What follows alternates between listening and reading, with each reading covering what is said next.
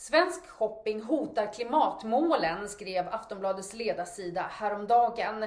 Och det är med anledning av att vi svenskar handlar från andra delar av världen och så fraktar vi grejerna hit och det är inte bra för miljön, tyckte de. Eh, och jag vet inte om ledarskribenten egentligen uppmanar oss till att sluta shoppa, men den här mätningen skulle vara en väckarklocka, så jag antar att det är det hon vill. Jag tycker det är helt fel slutsats.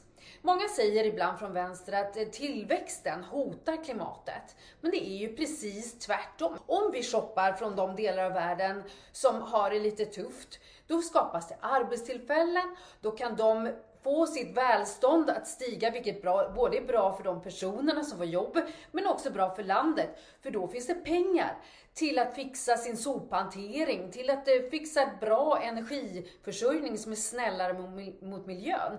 För det finns inget som är så dåligt för klimatet som fattigdom. I boken Mer för mindre från Ratio så visade forskarna att eh, BNP i Sverige har stigit med 90% de senaste 30 åren.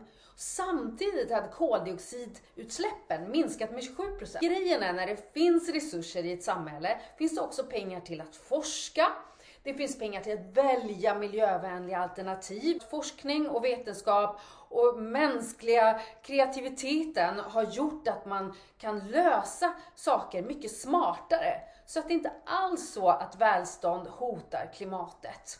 Bland annat till exempel så kan man ju idag producera mycket mer mat med mindre jordyta för att man gör det på ett smartare sätt. Vi ska tänka på miljön, men inte bli för pessimistiska för då kan vi bli dumma så att säga.